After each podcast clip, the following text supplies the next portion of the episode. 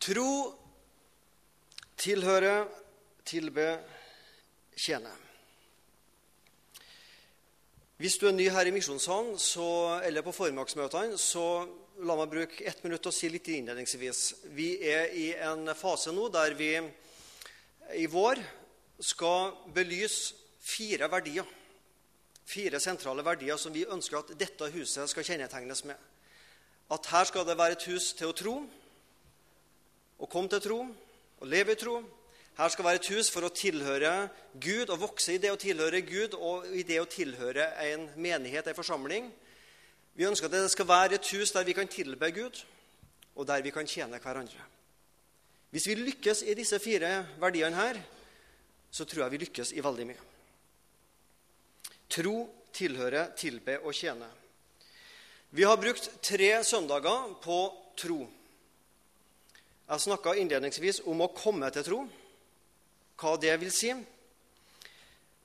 Arnfinn Røyland fortalte litt om å dele troen i hverdagen og være et hverdagsvitne. Kona Helga Røyland, Kjartan Aano og flere fortalte litt om det å leve i tro, det å gå ut av båten. Tør å ta noen skritt, og ikke bare tro og sette i hodet og er noen meninger og læresetninger, men å leve et kristenliv å komme seg ut av båten. Det har vært tre søndager. Og De tre neste søndagene så skal vi eh, snakke om å tilhøre. I dag skal jeg snakke om gode vaner for å pleie forholdet til Jesus. Gode vaner vi kan ha i livet vårt, hverdagen, for å pleie det å tilhøre Jesus. Neste søndag så skal Ove Eikje snakke om det som vi kan kalle sjølransakelse. Og det har vi godt av. Av og til virkelig å spørre oss tilhører jeg virkelig Gud. Eller går jeg rundt og narrer meg sjøl? Lever jeg i et sjølbedrag? Eller virkelig tilhører jeg Gud? Og Bibelen snakker om at vi skal ransake oss sjøl for å kjenne om vi er i troa. For troa må aldri bli noe selvfølge i vårt liv. Det må bli noe vi spør oss sjøl hver dag. Lever jeg virkelig med Jesus? Spennende. Og så skal Terje Eggebø om tre uker snakke om å tilhøre de hellige samfunn. Vi tilhører Gud, Jesus sin hellige ånd, men vi tilhører også de hellige samfunn. Ei menighet, ei forsamling. De aller fleste av disse talene vil også bli lagt ut på vår webside. Eh, tre ganger w.misjonssalen.no. Der vil du finne alle talene, de aller, aller fleste talene.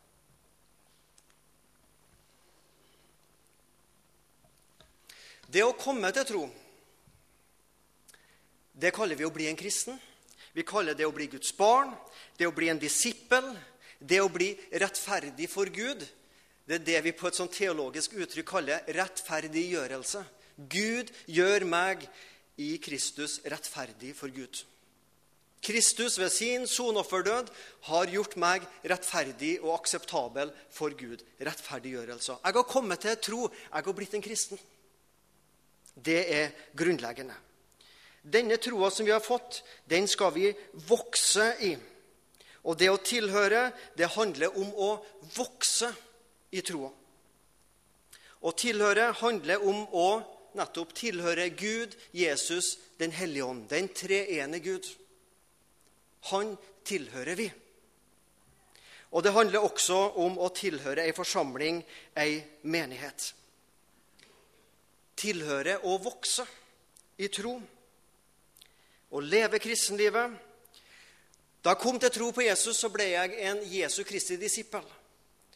Men vi som har blitt disipler, vi må disippelgjøres. Jesus må få arbeide med oss sånn at vi lever et disippelliv. Åndens fylde, som det står i en gammel salme, 'Nærmere deg, min Gud'. Det er det det handler om å tilhøre.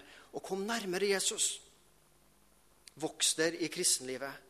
Fra å være en baby som vi har sett fram på scenen i dag, til å bli den åndelige, modne mann og kvinne Gud ønsker du skal være. Helliggjørelse. Å komme til tro, rettferdiggjørelse. Å vokse i tro, helliggjørelse. Det handler om å se mer av Jesus. Jeg har eh, vært på en bibelskole, misjonsskole, på Fjellhaug faktisk i sju år. Og så sender bibelskoleelever inn søknader om å begynne på bibelskolen. Og da går denne setningen ofte igjen. Hvorfor vil du begynne på bibelskole? Jo, for å bli bedre kjent med Jesus. For å bli bedre kjent med Bibelen. Vi har kommet til tro på Jesus, og så skal vi vokse i det å kjenne Jesus. Og hva frelsa er, og hva det vil si å være og leve som en kristen. Har du et ønske om det? Om å se mer av Jesus? Og om å kjenne mer av Bibelen? Ja, er du en kristen, så har du det ønsket. Selvfølgelig har du det. Ja, jeg følger deg, Jesus. Jeg følger deg, Jesus, som vi sang i sangen. Du har et brennende ønske om å følge Jesus. Men så er det dette med å ha et ønske. Ja, én ting å ønske det, men hvordan? Hvordan blir jeg mer kjent med Jesus? Hvordan kan jeg pleie dette forholdet til Jesus? Og det skal resten av talen handle om i dag.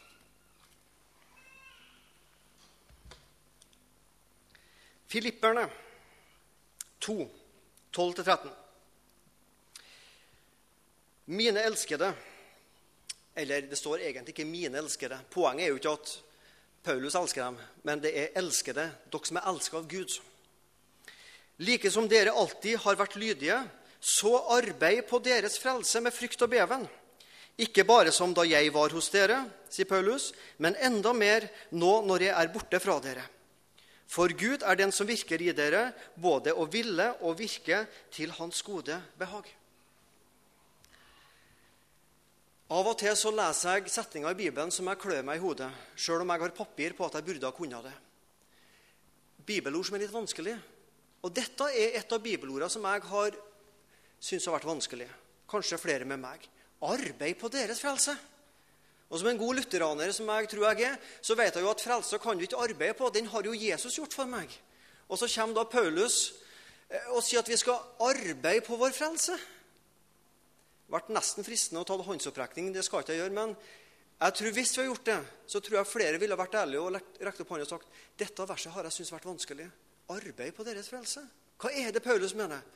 Og så sier Paulus.: Arbeid på deres frelse, og Gud er den som virker, arbeider i oss.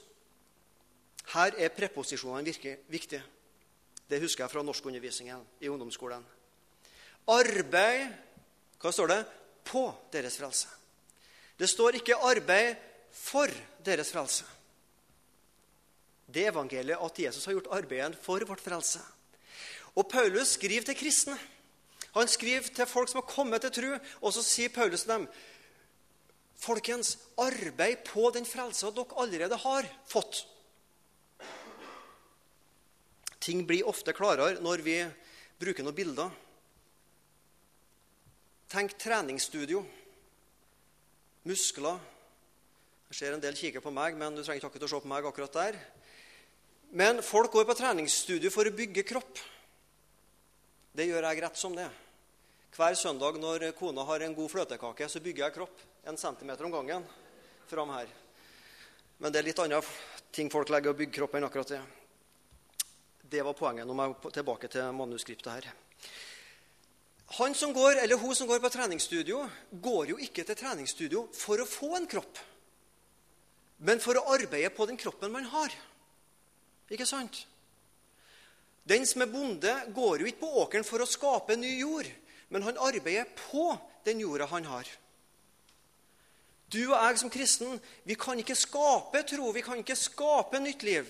Vi kan ikke skape frelse, men vi kan arbeide på den frelsa vi har. Og det er det Paulus vil si. Dere tilhører Kristus. Arbeid på den frelsa dere har fått. Arbeide på deres frelse. Det er ditt ansvar å arbeide på din frelse. Sitt ikke på din stol og vent at det skal komme en annen superpredikant som har ei veldig salvelsesfull preken som skal fylle deg opp for to år framover, og så har du litt å ta av. Og så etter et par år så får du en ny superpreike, og så lever du sånn. Jeg skulle til å si nesten mellom hver generalforsamling, eller hva du nå vil kalle det for noe. Nei, du skal arbeide på din frelse og fylle deg sjøl med Guds ord. For Gud er den som arbeider i dere. Det er Guds del. Hvordan arbeider Gud i deg? Han arbeider gjennom sitt ord. Han arbeider gjennom sin Hellige Ånd. Og han arbeider gjennom det du opplever og erfarer i din hverdag. Opplevelser, erfaringer, prøvelser, vanskeligheter som gjør at du får ei sterkere tro. Det er Guds del. Guds ord, Den hellige ånd og det vi erfarer og opplever i hverdagen. Men din og min del det er å ta ansvar for å arbeide på vår frelse. 1. Timoteus kapittel 4, vers 7 og 8. Øv deg heller i Guds frykt. Øv deg i Guds frykt. For kroppslig øving er nyttig til lite eller til noe, men Guds frykt er nyttig til alt. Den har løfte både for dette liv og for det som kommer. Hvordan er det? Har du en daglig øvingsøkt i å øve deg i Guds frykt? Øver du deg i Guds frykt hver dag? Vel, det er det Paulus oppfordrer sin gode venn Timoteus til. Øv deg i Guds frykt. Hvis du er på treningsstudio for å være i det bildet, så legger du deg til gode treningsvaner, måter du trener på, for å trene ulike muskler i kroppen. Hører jeg dem si, dem som går der. Øv deg i Guds frykt. Legg deg til gode åndelige vaner som du ikke kan være foruten. Du vil savne dem hvis du hopper over dem. Dere har skjønt, og dere ser, at jeg er ikke så veldig kjent med eh, treningsstudio. Men jeg har en rygg som av og til slår seg litt vrang, som gjorde det for en del år siden. Og Jeg gikk til kiropraktor som knekka på meg sånn og sånn. Og så gikk jeg til en fysioterapeut som lærte meg noen øvelser. Litt sånn forskjellige ting. Trengte å ta dem her nå. Og så sa fysioterapeuten hvis du gjør det fem minutter hver dag, så skal du se en radikal forandring i ryggen din. Du skal merke det. Og det gjorde jeg. Jeg la meg til en vane hver dag fem minutter med ryggøvelser. Som gjør at jeg i dag har en atskillig bedre rygg enn jeg hadde for noen år siden. Og jeg merker det hvis jeg en dag hopper over det om morgenen. Så kjenner jeg det på kroppen at jeg er litt stivere og litt mer uopplagt. Litt surere enn jeg er til vanlig. Men hvis jeg får gjort øvelsene, så blir jeg litt mer blid enn jeg er til vanlig. Og kjenner det i kroppen. Legg deg til på ditt åndelige område gode vaner som du ikke kan leve foruten. Og I dag skal du få tre øvelser som du kan ta med deg hjem og øve på. Så nå kan du kveste dine blyanter, så kan du få tre gode treningstips i dag. Første treningstips en daglig stund med Gud. Gi Gud tida di. Hvorfor bør Gud få mer av tida di, og hvorfor bør jeg gi mer av min tid til Gud? Jo, fordi da får jeg veiledning av han som kjenner meg, hvordan jeg bør leve. Vi leser om Jesus at han drog seg ofte unna folkemengden og søkte stillhet alene. Ja, han kunne være til og med hel natt i bønn. Og hadde Jesus behov for det, så skal jeg i hvert fall være ganske trygg på at jeg har det, og du også. Gi tida di til Gud, ei daglig stund med Gud. For når Guds ord og Guds vilje blir sterkere i ditt og mitt liv, da bærer vi frukt, sier Bibelen. Vi skal være et levende tre som er planta i Jesus, og som lever kristenlivet. Og så kommer frukta naturlig. Det er to måter å få frukt på et tre på. Den ene måten er å plante et korn, og så blir det et frø, det, ja, og så blir det et tre til slutt, som bærer frukt naturlig. Den andre måten det er å ta et dødt tre, sette det i jorda, sette noen støttepilarer rundt. Og dagen før du vet at gartneren kommer, så tar du to epler som du har kjøpt på Rema, går bort til treet og teiper dem fast. Så når gartneren kommer dagen etterpå, så ser han ja, her var det frukt på treet. Og Sånn er det vel av og til jeg, og kanskje du også gjør som kristne. Vi prøver å ta oss sammen, spesielt når vi skal møte andre, og så vise fram noe frukt i livet. Men det handler om å være planta hos Jesus. Og så kommer frukta naturlig. Da må det være en daglig tilførsel av næring i livet ditt. To, følelses, to følelser, to setninger her. Smak på dem.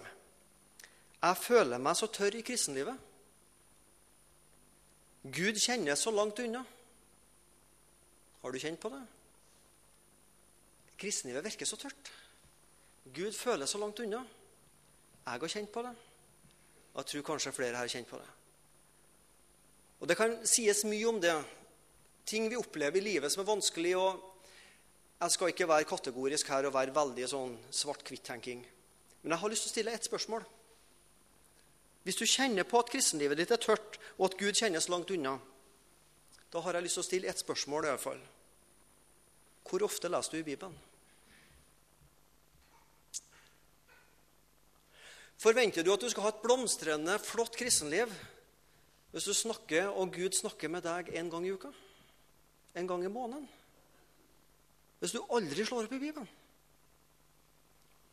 En gammel predikant sa det på denne måten her. Når du åpner Bibelen, så åpner Gud sin munn.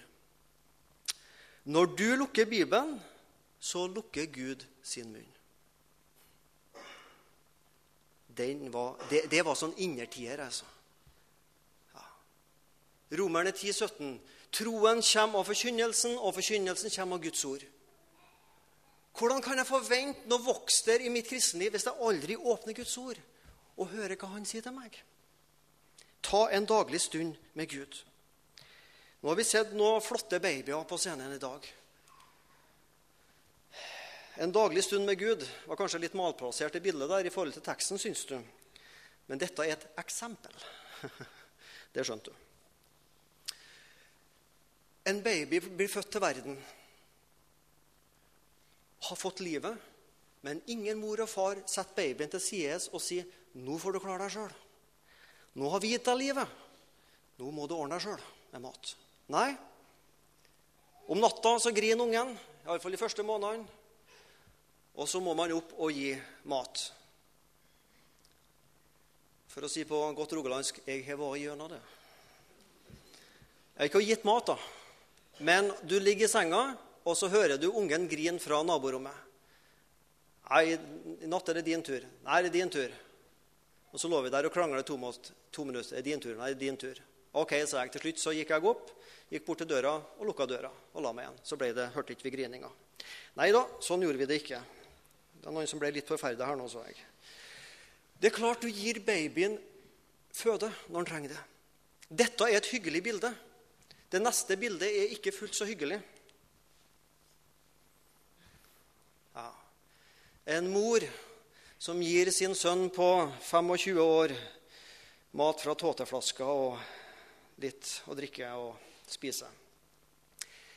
I løpet av disse åra burde denne gutten ha lært seg å spise sjøl. Men hvor mange åndelige babyer finnes det blant kristne som ennå tror hvis jeg bare kommer på et møte en gang i uka eller annenhver uke, så får jeg nok åndelig føde? Og så glemmer man å ta til seg åndelig føde sjøl gjennom resten av uka. Gi Gud tid hver dag, så langt du kan. Hvordan skal vi lese i Bibelen? Les evangeliene, historiene om Jesus, ikke glem Gammeltestamentet. Les litt fra Gammeltestamentet også. Gjerne Salmenes bok, som ofte er et speil av troslivet, hvordan vi har det innvendig. Du kan alltid finne noe du kjenner deg igjen i i Salmenes bok. Og Start f.eks. med at du setter deg mål. Denne uka skal jeg lese fem vers. Neste uke skal jeg lese ti vers. Om tre måneder skal jeg lese ett kapittel for dagen. Om to år skal jeg kanskje lese to kapittel for dagen. Ta det gradvis. Ikke sett deg et superåndelig mål med en gang, og så mislykkes du, og så gir du opp. Øk gradvis. Når på døgnet skal jeg lese? Nå skal vi prøve oss litt på håndsopprekning, for dette er helt ufarlig. Det sies at vi menneskene kan, iallfall når det gjelder søvn, kan deles i to grupper. Det er A-mennesker og B-mennesker. A-mennesker er oss, da sier jeg oss, for jeg er blant dem som liker å være tidlig oppe om morgenen og legge oss tidlig om kvelden. Og B-mennesker er de som sover litt lenger på morgenen og er oppe lenger om kvelden. Er det, er det kun jeg som A-menneske her? Ja. Det var to til. Da er vi i en litt spesiell kategori. Her er en som er halvveis. Det er C-mennesket. Det er seint opp om morgenen og tidlig seng om kvelden. Er, resten B-mennesker? Ja, her er det skikkelig overvekt av B-mennesker i misjonssalen. Nå er jeg kanskje ikke jeg retten til å si det jeg sier nå, sier jeg A-menneske. Men jeg har et inntrykk av at mange B-mennesker tror at det er mer åndelig å være A-menneske. At jeg har litt dårlig samvittighet, og jeg kom meg ikke opp tidlig nok og fikk lest i Bibelen. Hadde jeg bare vært mer A-menneske og kommet opp tidlig om morgenen og lest i Bibelen, da hadde jeg vært mer åndelig. Jeg tror kanskje noen tenker sånn. Men når er det best å lese i Bibelen? Svar når det passer deg best. Så enkelt og så greit. Det er fint å starte tidlig om morgenen med et bibelvers, men poenget er gjør det når du er opplagt. Sånn at du i hvert fall husker litt, og ganske mye av det som du leser når du er ferdig med stunda. Les når du er opplagt. Og er du mest opplagt eh, etter klokka seks om kvelden, så leser du da. Det er ikke mer åndelig å være A- eller B-menneske. Faktisk høres det ut som det er mer åndelig å være B. B-menneske. Tok du en? Det gjorde du. Det var første øvingsøkt. Øv deg i en daglig stund med Gud. Øv deg i å ofre regelmessig. Hm. Det var øvelse to. I gode vaner for å pleie forhold til Jesus. Ofre regelmessig. Ja, Dette virka litt snedig, tenker du. For Jesus han kom jo og ga sitt liv som en sonoffer for våre synder. Skal vi drive med noen sånne offerhandlinger for å holde frelsesverket ved like, liksom? Nei. Jesus har gitt ett sonoffer én gang for alle synder for alle mennesker. Men Bibelen snakker om ulike takkeoffer. Og Her skal jeg veldig kort nevne fire. Tilbedelse, å bekjenne sin synd, og vitne, altså bekjenne Jesus, og gi penger. Det er gode ting å gjøre som en kristen for å pleie forholdet til Jesus. Han som elska meg og ga sitt liv på korset for mine synder, han har jeg lyst til å elske tilbake og takke og tilbe han. Når du har en daglig stund med Jesus, ikke glem å tilbe Jesus. Bekjenn synda.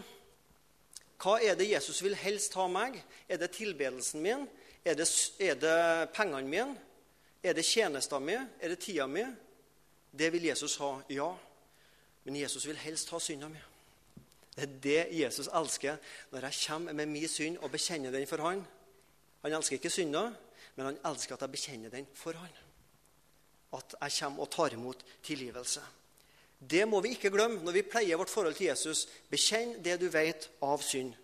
Ikke prøv å finne opp synd for å virke åndelig, men bekjenn det du vet om. Vitnesbyrd og bekjenne Jesus. Del det du har fått. Ta sjansen på å bryte lydmuren og si noen ord om Jesus. Hva betyr Jesus for deg? Det kan være et spørsmål du kan ta med deg denne uka og tenke på. Hva betyr Jesus for meg? Og så tenker du over det, og når du vet det, så har du et vitnesbyrd. Fortell andre mennesker hva Jesus betyr for deg. Og så har jeg skrevet penger. Kan vi pleie forholdet til Jesus med penger? Skikkelig ute og kjører og ute på fjorden, han taleren. ja. Nå er det vanskelig å roe seg tilbake. Nei da, vi kan aldri kjøpe Guds vennskap. Vi kan aldri komme penger til Gud og kjøpe Guds tilgivelse. Synderskyld kan ikke slettes med gull eller sølv. Men Jesus sa en gang der ditt hjerte er, der vil også Der din skatt er, sa Jesus, der vil også ditt hjerte være. Der skatten din er, der vil også hjertet ditt være. Fordi hjertet ditt følger med pengene dine. De fleste av oss investerer i hus fordi vi er glad i hus. Vi kjøper en ny sofa for vi liker sofaen, og så investerer vi i den. For vi har hjertet til den type sofaen. Er du glad i misjon? Ja, vis meg kontoutskrifta di, så skal jeg fortelle om du er glad i misjon. Og Hvis du har sett min kontoutskrift, så kunne du ha sagt om jeg er glad i misjon. Der vi gir våre penger, der følger vårt hjerte etter. Ja, Guds rike betyr mye for meg, sier du. Og sier jeg. Ja vel. Men min givertjeneste vil avsløre egentlig hvor mye Guds rike betyr for meg. På den første dag i uken så la de til side, står det om de første kristne. Å tilbe, bekjenne synd, bekjenne Jesus og ofre og være med å gi penger til misjon, det er fire gode vaner for å pleie forholdet til Jesus. Vi har snakka om å gi Gud litt tid daglig, det å ofre regelmessig. Og den tredje øvelsen du skal få med deg i dag, det er å være sammen med andre troende regelmessig. Det er en god øvelse. Hvorfor da? For da lærer jeg å omgås, og du lærer å omgås andre syndere. Vi lærer å omgås oss som skal leve en hel evighet sammen. Og vi kommer sammen for å oppmuntre hverandre, ikke for å trykke hverandre ned. La oss ikke holde oss borte fra vår egen forsamling, slik noen har som dårlig vane. Men la oss formane, oppmuntre hverandre, og det så meget mer som dere ser at dagen nærmer seg. Det å komme sammen som vi gjør nå, det er på en måte å dra kullbitene sammen. Og så drar vi kullbitene sammen, og så varmer man seg sammen, og så blir det et bål av det igjen. Men fjern kullbitene fra hverandre, så dør det fort ut. Før det sammen, og vi varmer hverandre. Og De første kristne visste av denne verdien av å komme sammen regelmessig. Uten opphold fortsatte de med å lære hver dag og i hjemmene. Hver dag i tempelet og i hjemmene. Det virker nesten som de kom sammen hver eneste dag på tempelplassen i Jerusalem, de første kristne i Jerusalem. Kom ofte sammen. Vi trenger storsamlingene, og vi trenger smågrupper, husfellesskapet, misjonsforeninger. Hva er fordelen med å være med i ei misjonsforening, ei smågruppe, ei bibelgruppe? Der kan du være personlig. Det er vanskelig å være personlig når vi blir over 20-30-50-100 stykker. Det er litt vanskelig da å bli personlig. Det er vanskelig å være savna når vi blir ei stor forsamling. Men det er lett å være savna når vi er ei lita gruppe. Og du kan også bety noe for andre mennesker på en helt annen måte i ei forening, i ei smågruppe, enn vi kan i ei større forsamling. Jeg er regna med, og jeg trenger andre, og vi er sterkere sammen som enkeltkristne og som forsamling når vi møtes til storsamlingene og når vi møtes til smågrupper. Så Prioriter både storsamlingene på søndagen og prioritere husfellesskapet, smågrupper, misjonsforeninger som du er med i. Vi er straks på oppløpssida. Se på det bildet der. Det er sånn som vi spør barn hvis de ser et bilde. Kan du se noe som passer litt dårlig i det bildet der? Hva gjør den eh, målestokken i det bildet der? Det er viktig å ha rett målestokk i livet når vi skal måle ting. Og når det gjelder å lage seg gode vaner for å vokse som kristen, da er det viktig å ha gode målestokker. Ikke hva andre kristne gjør, og sammenligne seg. Ikke hva Misjonssambandet sier vi skal gjøre, eller forsamlinga sier vi skal gjøre. Men la oss legge målestokken på de første kristne og på Jesus. De første kristne, altså, fra apostlenes gjerninger 2.42-47, de holdt urokkelig fast ved apostlenes lære, Bibelen, ved samfunnet, broderfellesskapet, ved brødsbrytelsen og ved bønnene. Bibel, broderfellesskap, brødsbrytelse og bønne, de fire b-ene. Og det kom frykt over hver sjel, og mange under og tegn ble gjort ved apostlene. Alle de troende holdt sammen og hadde alt felles. De begynte å selge eiendeler og gods og delte ut til alle etter som enhver trengte det. Hver dag her står det igjen, hver dag kom de trofast og med ett sinn sammen i tempelet, og i hjemmene brøt de brødet og holdt måltid med fryd og hjertets enfold. De lovet Gud og var velsett av hele folket. Og Herren la hver dag dem som lot seg frelse, til menigheten. Her var det kontinuerlig vekkelse. Her var det ikke bare håp om en vekkelsesaksjon. Her var det kontinuerlig vekkelse. 3000 på én dag, og så går det noen uker, og så er de 5000. Og kirkehistorikere sier at i løpet av noen få år så var det 120 000 kristne i Jerusalem. det var megachurch, altså. Det var stor kirke. Lær av andre kristne. Hva gjorde de første kristne? De prioriterte læra Bibelen. De prioriterte fellesskapet, broderfellesskapet. Og de prioriterte brødsbrytelser og det nattverden sammen, der vi får Jesu legeme og blod og tilgivelse. Og de prioriterte bønnene. Fire viktige prioriterte områder. En god linjal målestokk å måle etter om vi, er, om vi har et, eh, et opplegg som passer som Bibelen sier at vi bør ha. Så kom de sammen, og så mala de Jesus fra hverandre. Jeg er ikke noe god med maling. Jeg skulle gjerne gått på malekurs med Odd Dubland eller andre. Men jeg, jeg, kan, jeg kan Olemann på sånn strektegning. Det er alt jeg kan.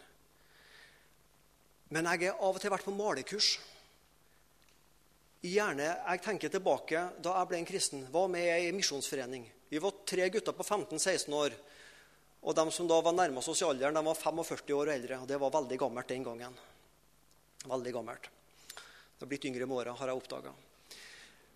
Men der var vi på malekurs, og så fortalte disse eldre kristne hvordan det vil si å være en kristen, og hvordan kristenlivet var. Med oppturer og nedturer. Og så mala de Jesus for meg. Og så ble Jesus mala inn i hjertet mitt. Og så fikk jeg være med etter hvert og male Jesus for andre.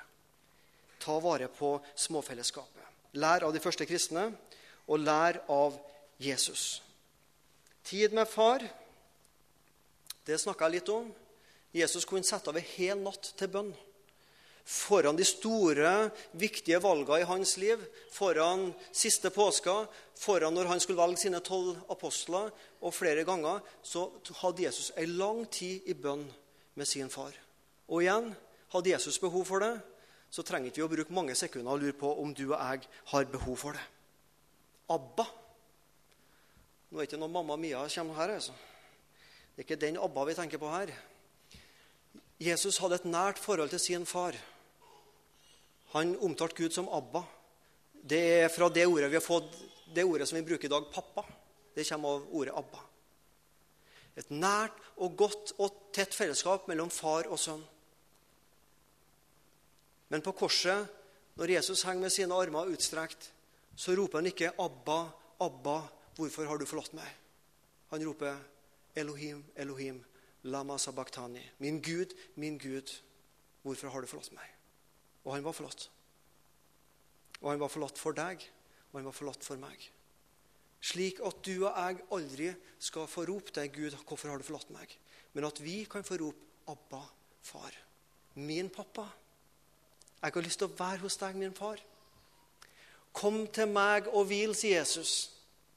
Kom og sitt på mitt fang, som Jesus tok barna på fanget, og som kunne holde rundt sin far og si, 'Min pappa'. Vi kan lett bli opptatt av gode vaner og 'så mye må jeg lese i Bibelen', 'så mye må jeg be', 'så mye må jeg dit', 'så mye må jeg gi til misjonen for å være en god kristen'. Og så kan hele kristenlivet bli et ork og en lovisk liv. Men glem ikke av å hvile hos far, hos din bror. Sitt på Jesus sitt fang og hvile i nåden. Hvile i det fullbrakte frelsesverket. Hvile i tryggheten av at du er elska av Jesus Kristus. Skal du pleie ditt forhold til Jesus, så må du pleie å hvile. Sitt på fanget. Er kjekt når barna kommer og setter seg på fanget. Så holder du rundt dem og så forteller du noe kjekt. Så tok jeg en av barna på fanget en dag, og så sier barnet 'Pappa, nå må du si noe godt.' For alltid når jeg sitter på fanget, så har du kanskje at vi skal på en spesiell tur, eller noe, eller at jeg får en ting eller noe. Har ikke noe godt du skal si? Så måtte jeg tenke jeg hadde egentlig ikke det akkurat da. Nei. Så prøvde jeg meg å gjøre meg litt kanskje mer frommere enn jeg er. Så sa jeg 'Gud er glad i deg', sa jeg. Så tenkte jeg ja, ja. Det er kanskje det beste jeg kan si til mine barn. Lær av Jesus. Kom til meg. Kom til Jesus. Hvil hos din far, hos din pappa, hos din bror. Sett av tid med far, sånn som Jesus gjorde. Og så skal du kjenne at du bare sier mer og mer. Jeg følger deg, Jesus. Jeg følger deg. Mitt liv, det vil jeg leve i samfunn med Jesus. Som en av de mange som er i Guds nærhet. Jeg har også hørt Guds stemme som bød meg å følge. Og jeg har sagt, og jeg sier i dag, og jeg ber om at jeg må si til min døende dag jeg følger deg, Jesus. Jeg følger deg. Jeg følger deg dit du vil ha meg.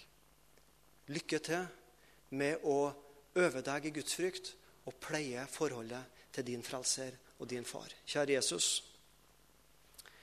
Vi takker deg for at vi får Vær Guds barn. Vi takker deg for at vi får være, ha deg som vår bror. Herre, du vet hvor jeg synder, og hvor jeg er sløv i å pleie forholdet til deg. Må du vekke oss opp, sånn at vi med glede pleier forholdet, og med glede hører og mottar frelsa, og gleder oss over den, og med glede og med stolthet og frimodighet sier vi følger deg, Jesus. Vi følger deg.